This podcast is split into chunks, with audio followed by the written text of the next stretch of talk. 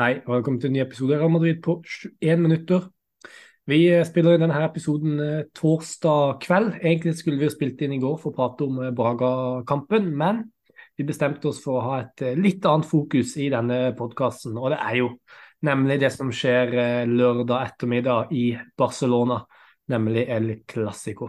Så vi skal prate bare et par minutter om, om Braga-kampen, men denne podkasten kommer til å handle om om våre forventninger til sesongens første El Clásico. Det er knytta mye spenning til dette, eh, så det burde bli veldig gøy å, å prate om. Med meg til å eh, ta fra hverandre både Real Madrid og, og, Barcelona og prøve å komme fram til noen forventninger, iallfall, har jeg da eh, Jone. Hei. Hei, hei.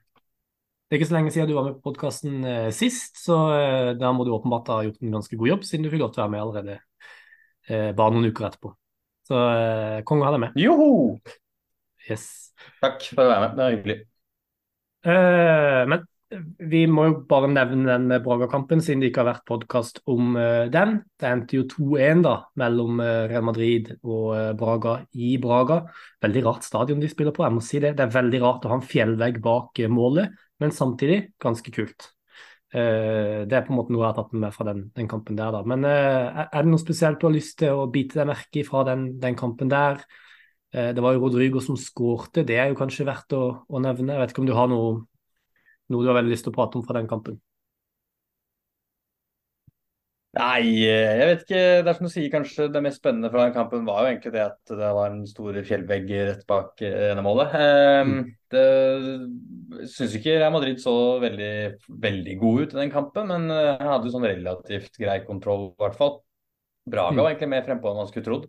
Uh, og kom til noen ganske store muligheter i andre omgang også. Uh, så det, var ikke, de måtte liksom uh, ri det av seg Real Madrid for å dra den seieren i land.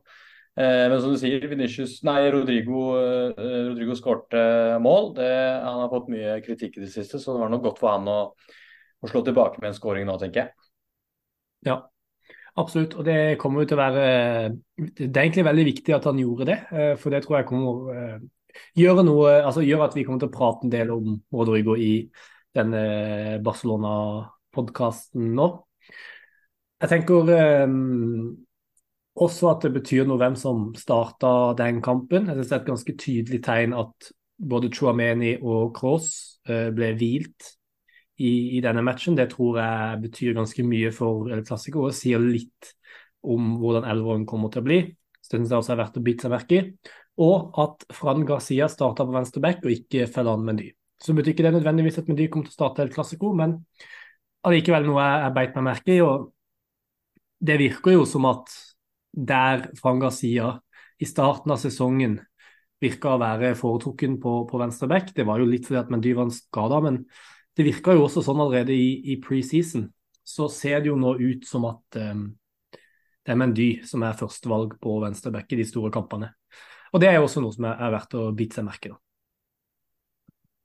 Men da tror jeg kanskje vi bare går uh, rett videre til, til, det store samtaleemnet denne uka, til det store samtaleemnet i denne podden, nemlig El Clásico. Jeg tror vi starter med å prate kanskje litt om eh, motstanderne, nemlig Barcelona. Vi skal gå gjennom masse om, om, Real Madrid, men jeg bare føler vi burde ha nok tid til å prate om hva vi forventer av Barcelona også. Eh, for de aller fleste som hører på oss, følger nok langt, mye, langt bedre med på, på Real Madrid enn, Barcelona, så det er viktig at vi ser litt på, på de også. De eh, ligger jo eh, ett poeng bak eh, Real Madrid på tabellen. Ikke tapt en kamp i La Liga i år, eneste lag som ikke har tapt, men står altså med tre uavgjort. Hva er dine tanker om sesongstarten til Barcelona så langt? Ja, nå skal jeg komme ut her fra starten og si at jeg har ikke sett alle kampene til Barcelona i år. Jeg har sett en uh, fire-fem kamper i, i, ligaen, og så fikk jeg med meg Champions League-kampen i går også, men uh, sett noen kamper av dem nå i det siste. Um, og de, de, ser jo litt sånn uh, Ja, det er litt vanskelig å vite hvor man skal putte dem, egentlig. Um, de, ser, de, sliter litt med å få god kontroll på kamper, virker det som. At de rett og slett uh, må slite for å få med seg poeng i uh, stort sett hver eneste kamp de spiller. I sist kamp så var det vel en 17 år gammel debutant som skåra vinnermålet mot dem, altså for, mot Atletic. Um, mot Braga i går slet de voldsomt. Uh, fikk to tidlige skåringer, men så, så slo Bra nei, Braga, sier jeg nå. Uh, Sjaktar Donetsk, mener jeg selvfølgelig. Ja, så slo Sjaktar sterkt tilbake igjen. Uh, og kunne fort tatt i hvert fall ett poeng i den kampen også. så Sånn sett så syns jeg de har slitt litt med å, med å ri ut kampene ordentlig.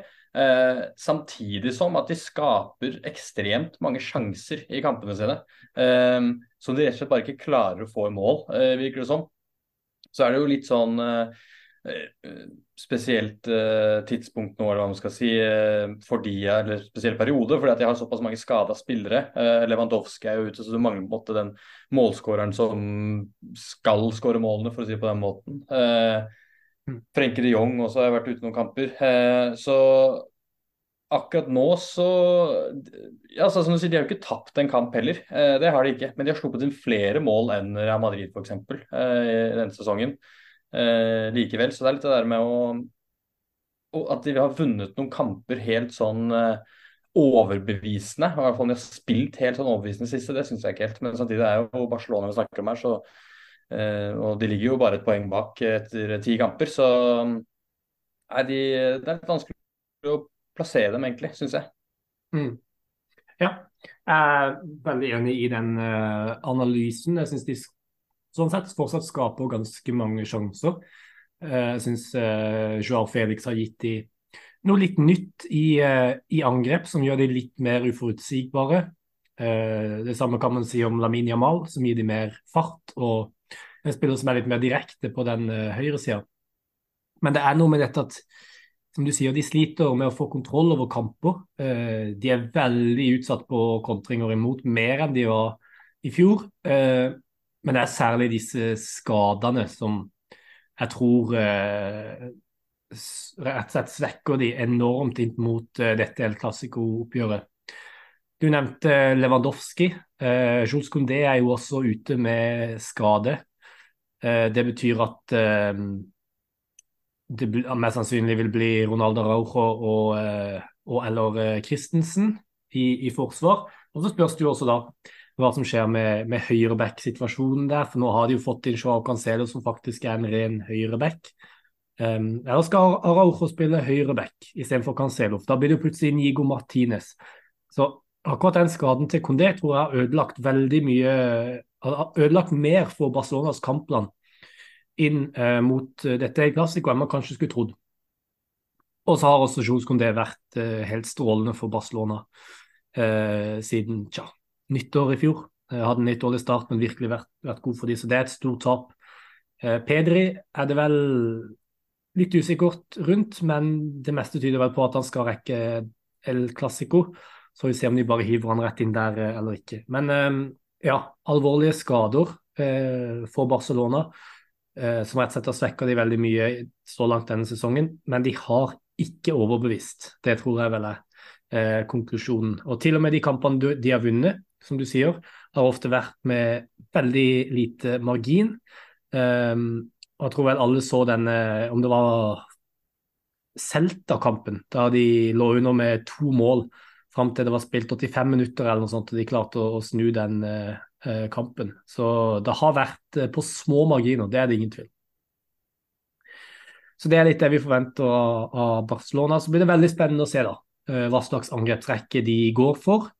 Eh, det er jo Lamin Jamal som har eh, virkelig slått gjennom for Barcelona denne sesongen. Vært veldig, veldig god ikke nødvendigvis bidratt med så mye målpoeng, men han bidrar med en uforutsigbarhet som er litt sånn spennende å, å se.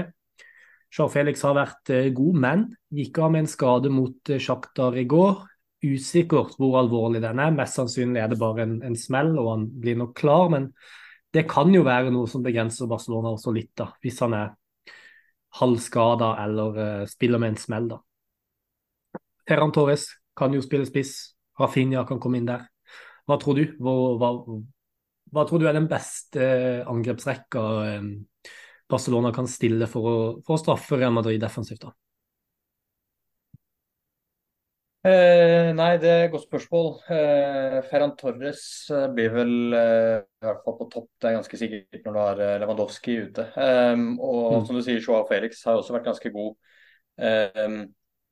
nå i denne sesongen for Barcelona. Så hvis han klarer å riste av seg den skaden, eh, den, den smellen han fikk i går, han ble jo bytta ut også, uh, så, så er vel han kanskje også grei å sette inn på venstre for dem. Uh, og så er det jo Jamal, da, som, eh, som er ung, men som har fått mer og mer spilletid de siste, eller utover denne sesongen. Eh, Starta litt som en sånn eh, innbyttertype, men så eh, Rafinha har jo vært skadet en stund, så da har vel han kommet inn der også og, og gjort, uh, gjort, sakene godt også, som du sier. Til, klarer å gi mye eh, offensive ferdigheter på en måte, og litt ny driv til angrepsspillet.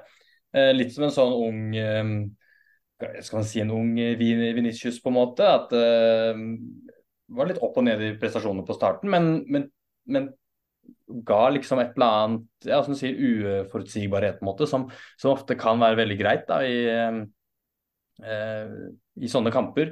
Mm. Um, så det er kanskje de tre jeg ser på meg. Det er jo samme startoppstilling som vi hadde i går også mot uh, Sjaktar Donetsk. Uh, Felix, Torres og Jamal på toppen. Um, så kanskje, jeg, jeg, ser for meg at det er de tre som får starte på topp på lørdag.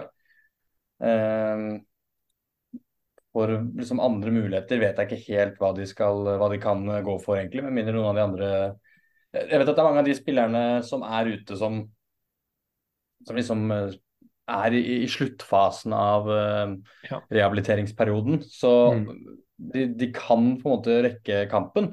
Men samtidig så er det kanskje ikke den smarteste vurderingen å, liksom, å sette inn på en en Rafinha, hvis han skulle bli frisk liksom, til lørdag, og sette ham med en gang. Det, det, virker ikke sånn veldig smart og klokt. Eh, spesielt ikke når de har mistet ut på såpass mange treninger og de er ute av kampform. Eh, men eh, nei, det blir spennende å se hva de tilføyer. Da har du på en måte Jamal ute på høyre der, da, som skal utfordre, som du sier, sannsynligvis Mendy. Mendy som gjerne ligger litt dypere i banen, har jo ganske god fart han også, så kan jo måte takle den, eh, den spilleren godt. Eh, så har jo selvfølgelig også Mendy litt sånn opp og ned-kamper, og um, bidrar veldig lite offensivt fremdeles, syns jeg i hvert fall. Eh, blir litt for, for defensiv. Og i, i, den siste kampen han spilte også, som var ligakampen mot Sevilla, så slet han også på sin uh, venstrebekk uh, defensivt også. så Da er det litt sånn usikkert der. Uh, mm. Men nei, jeg tror kanskje de tre på topp er det som blir Barcelona sitt er, er deres beste kort akkurat nå. Og så kan eventuelt noen andre komme inn etter hvert, da, ja. hvis de blir skadefrie og klare. Ja, for det er noe med at Hvis plutselig da Joao Felix faktisk har pådratt, en, pådratt seg en såpass alvorlig smell, så da er det ganske tynt der framme hvis du har en Rafinha nettopp tilbake fra skade. David Jamal er en fantastisk fotballspiller, men han er ja, 17 år. Eh, spørs jo hvordan han vil prestere i en kamp som det, uten å undervurdere han. da. Og Ferran Torres det er jo betraktelig eh, svakere enn man har sett tidligere, da, når det er snakk om eh, Lewandowski, eh, Dembélé og Rafinha. Det er, no, det er noe helt annet eh, nå, det er det ingen eh, tvil om. Så de er svekka. Det, det må man rett og slett bare innse. Men det er jo Real Madrid også. De er uten Edo Militao og Tibor Courtois, det er helt sikkert. Uh, utover det så er det ikke noen, noen, store skader. Det var mange som fikk litt hjerte i halsen, tror, halsen, tror jeg, på um, tirsdagen her da Jude Bellingham gikk av uh, haltende etter uh, et sammenstøtt mot Braga der. Men han har i dag bekrefta at det er ikke noe skade. Han har trent innendørs i dag, men han skal trene med laget i morgen, og han blir klar til El Clásico. Og jeg syns jo at elveren til Real Madrid sier seg sjøl i de aller fleste posisjoner. Men det er to posisjoner jeg er usikker på. Og jeg tenkte at vi kunne snakke litt om uh, det. Uh, for du var litt inne på det allerede. venstre back. Der har Mendy spilt seg litt inn i, i laget igjen, det må være lov å si. Angelotti virker jo som at han liker han ganske godt. Men man har jo dette wildcardet da, med Eduardo Camavinga, som har vært strålende på venstre back eh, de to kampene han har spilt der denne sesongen. Og faktisk eh, i to store kamper har han spilt venstre back. Borte mot Girona, som på det tidspunktet leder La Liga, og borte mot eh, Napoli. Og så er jo da det jeg tenker er en positiv ting med å starte Kamavinga som venstreback, er jo at du også får Cross inn i elveren. Og jeg er litt skeptisk til um, en midtbane mot Barcelona som ikke Tony Cross er en del av. Så hva tenker du om det? Vi skal gå tilbake til andre posisjon etterpå, men venstre back, hva tror du uh, er løsninga der? Både med rent hvem som er best på venstre back, men også hva det betyr for uh, resten av midtbanen. Ja, her tror jeg på en måte Carl Ancelotti må ta utgangspunkt i hva slags gameplan det egentlig går for her. Eh, Barcelona er jo et, eh, et lag som eh, eh, liker å holde mye ball i utgangspunktet. Nå er jo også Real Madrid et lag som, som gjør det relativt ofte, men kanskje ikke i like stor grad som det Barcelona gjør. At spilleplanen er ikke nødvendigvis eh, like retta inn mot at man skal ha mye ball. Eh, men, og da kommer det litt på det derre OK, hvis man, hvis man skal belage seg på å bli liggende nede uh, dypere, så er jo kanskje, som jeg nevnte, Mendy kanskje et bedre alternativ, nettopp pga. defensive ferdigheter. Um, mens hvis Real Madrid uh, har som mål å holde mer ball og, og, komme seg lenger opp i banen, og med det også dytte Barcelona lenger ned i banen, så uh, så vet du jo hos Angelotti at um, bekkene ofte kommer veldig høyt opp i banen på sidene. Som uh, blir nesten en slags sånn vinger, for å si det på den måten. Som skal slå en sånn ting. Og Da er det ikke nødvendigvis at Mendy er et like godt alternativ lenger. Da vil jeg også, som du sier, kanskje Kamavinga være et bedre alternativ. Og så få Kroos inn på midten, som kan være med på å styre spillet mer inn fra midten. Uh, Eventuelt Fran Garcia, da, som også er god offensiv, men han ja, er, jeg, jeg, tror ikke Frank Garcia kommer til å starte uansett uh, denne kampen. Uh, men så er det som du sier at uh, hvis, hvis, hvis, hvis, han uansett går for Kamavinga på venstrebekken, da, og da Kroos må inn på midten, og eh, kampen blir sånn at Barcelona holder mye ball og prøver å spille seg gjennom sånne ting. Da er jo jeg også litt usikker på det. Jeg har nevnt tidligere, Krosen defensive egenskaper. At han er ikke like god som et anker som han er eh, når eh, Real Madrid har ballen. Altså et defensivt anker eh, kontra et offensivt anker, for å si det sånn. Um, så da, det gjør meg litt mer usikker. Um, Samtidig så har jeg faktisk vært eh, positivt overrasket. Eh, jeg syns altså, at, han slet noe voldsomt i den altså Kroos, som snakker om nå, i, i den defensive eh, senter-mid-rollen. I fjor syns jeg han slet fryktelig mye. Eh, I år syns jeg faktisk han har gjort en bedre jobb i de kampene han har fått eh, den eh, blir plassert der. Um, så, og så er det også snakk om Kamavinga, da, hva han kan gi på venstrebekken der. Han har vært veldig god de kampene han har spilt. og på mange måter egentlig et bedre alternativ, syns jeg, enn en de to andre venstrebekkene. Uh, men så går det rykter om at han egentlig ikke har så veldig lyst til å spille deg selv. Pluss at han også har mye å bidra med på, på midtbanen. Så Carl Ancelotti kommer nok til å få et, uh, ja, litt å tenke på på en måte når han går inn i den kampen her. Mm. Men jeg tror mye av det knytter seg som jeg sa i sted, til gameplanen til Ancelotti. Nå må vi, ha, mye ball eh, å angripe, eller om han vil legge seg bakpå og eventuelt gå på kontringer istedenfor. Ja, og det tror jeg egentlig er en avgjørende faktor for uh, hvordan angrepet vil se ut også. og Det er egentlig neste punkt jeg har tenkt å, å komme til. For jeg tror vi er enige om, om resten av laget. Eh, Chouameni starter, Valverde starter, Bellingham starter, Venicius starter. Er vi, vi, er vel enige om det, er vi ikke det? Det tror jeg vi er enige om. Ja, og da er jo det store spørsmålet Jeg tror ikke at dette her er um, noe stor sak. Men det er jo veldig mange som ønsker at Joselu skal starte på spiss for eh, Real Madrid istedenfor Rodrigo, som definitivt har hatt um, en uh, en svakere sesongstart enn man, man skal forvente, iallfall når det kommer til, til rene målpoeng. da.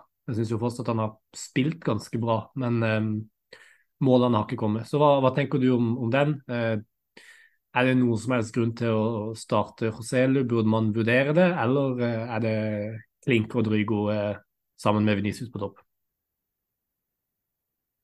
Jeg tror jo det at uh, Rodrigo som ble byttet ut, eller fikk starte på tirsdag, og som ble byttet ut etter 70 minutter, og for noe, er jo et relativt godt tegn på at uh, han sannsynligvis kommer til å starte, og også på et mål.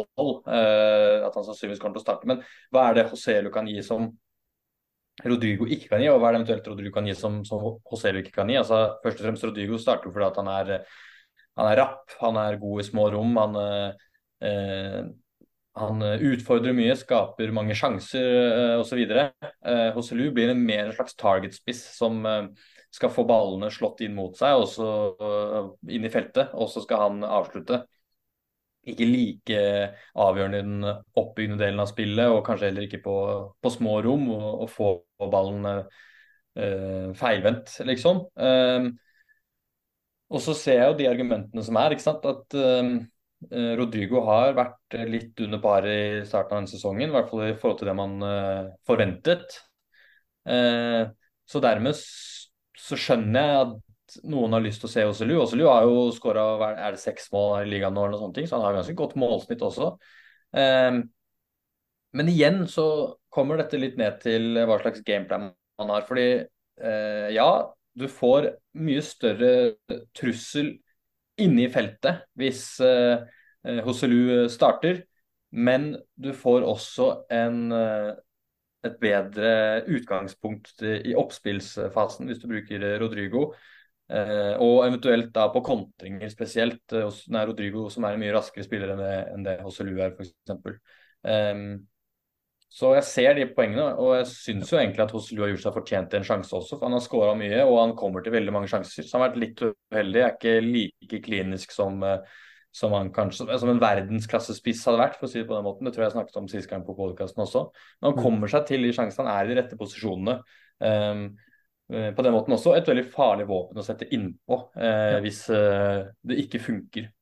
Ja, Nettopp det, og jeg tror liksom det er der nøkkelen uh, ligger. Jeg tror at uh, scenarioet kommer til å bli som det første du sier, at uh, Real Madrid kommer til å prøve å legge seg bakpå og ta disse kontringene som de får, og da er Rodrigo bare en uh, milevis bedre spiller enn uh, Roselu i, i, den fasen. Han har vært god mot Barcelona før, han har skåra en del mot Barcelona før. Så jeg tror at det er ganske benkers at Rodrigo starter, og jeg mener det er riktig. Um, og at Roselu heller er en spiller man kan sette inn på etter hvert, hvis man skal begynne å vurdere å pumpe innlegg uh, i boks. For uh, det er ikke mye innlegg eh, man kommer til å skåre på hvis man uh, skal begynne å, å, stange med Venicius og Rodrigo mot Araujo. Da er det ikke mye innlegg man kommer til å skåre på. Så, så, det er jo en, en, vurdering man kan ta. Så er det jo også dette som man faktisk så Ancelotti gjøre i El Derby mot Atletico Madrid da starta han jo rett og slett med en midtbanespiller i den siste angrepsposisjonen.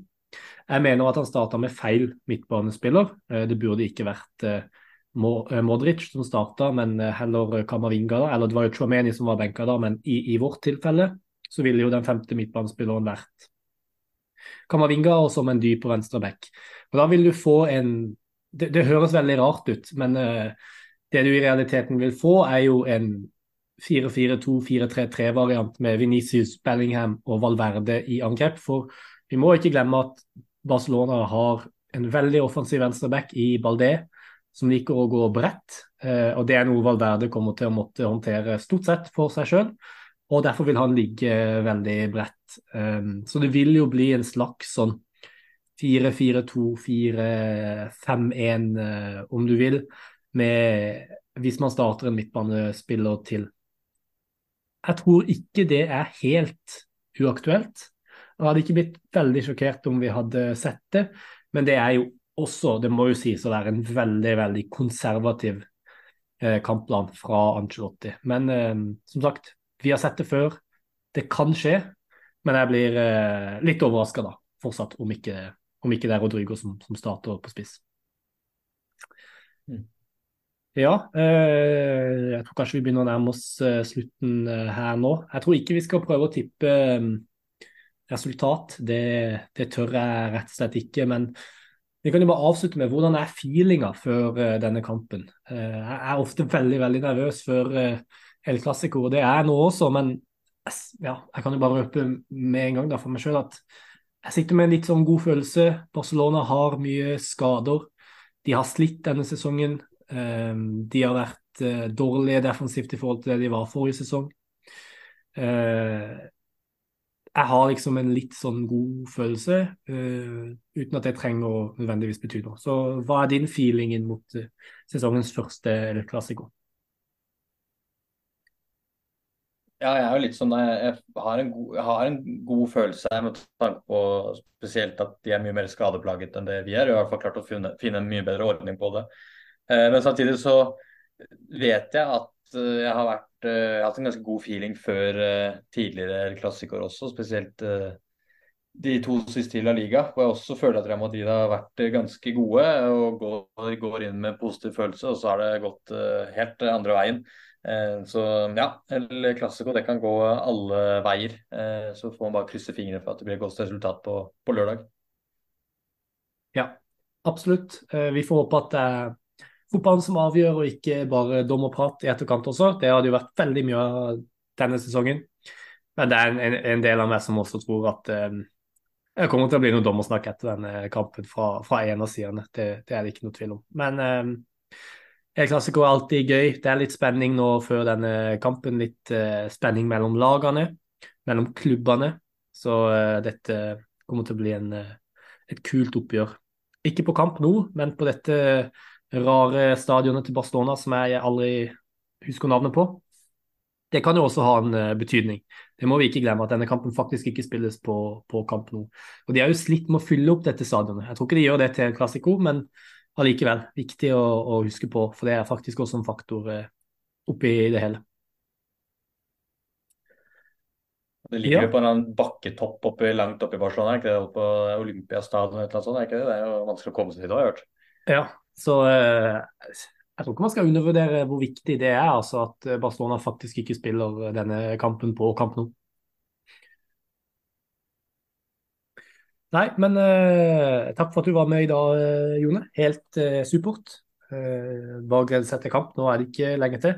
Bare to dager til, så det blir eh, veldig veldig spennende. Takk for at du var med i dag. Takk for meg. Takk til alle som hørte på, og til neste gang, à la Madrid. A la Madrid.